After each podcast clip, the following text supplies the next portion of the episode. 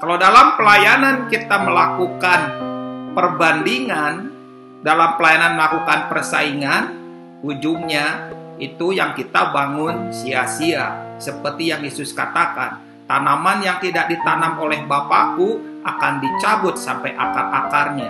Artinya semua akan menjadi sia-sia.